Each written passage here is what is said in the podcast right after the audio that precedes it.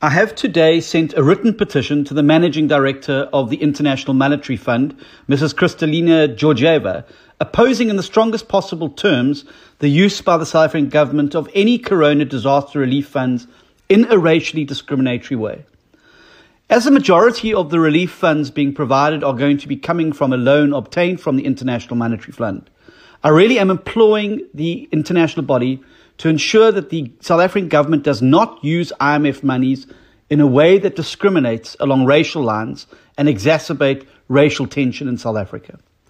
The government's choice to use this funding to only support triple B, double E compliant companies at a time of national economic crisis is frankly unconscionable. The virus doesn't discriminate on the basis of race, and it is indefensible that government should do so when deciding who is deserving of their help and who is not. Furthermore, the race of the business owner has no bearing whatsoever on the race of the employees of the business. White owned businesses have black employees who in turn support families. By deliberately denying these businesses critical government relief at this time, it is not just the owner of the business, but these families who will suffer if the business fails. I've no doubt that the IMF have no intention of fueling racial discord in South Africa, and I trust that they will not hesitate to direct the South African government not to use loan financing in a way that furthers racial discrimination. The IMF has, and its funding has been used the world over for building, developing, and taking nations forward, including all people in those countries. That should be its use and purpose. However, government seems to have turned this loan funding into a racially divisive tool.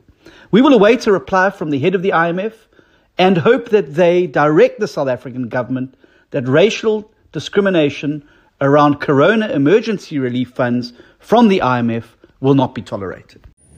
Verkeersboetes behels meer as 'n klein ongerief met minimale gevolge. Jy kan 'n kriminele rekord kry of probleme teekom as jy jou rybewys of motorlisensie hernie en die metropolisie kan jou by padblokkades lastigval om die boetes te betaal. Fines for you vir minder moeite met verkeersboetes deur hul te monitor en vinnig, wetlik en effektief af te handel sodat jy nie die ongewenste gevolge hoef te dra nie. Ons spesialiseer in groot vlote en streef daarna om jou geld te bespaar. Kontak ons gerus op 011 867 7331 of besoek ons webtuiste by www.finds4u.co.za.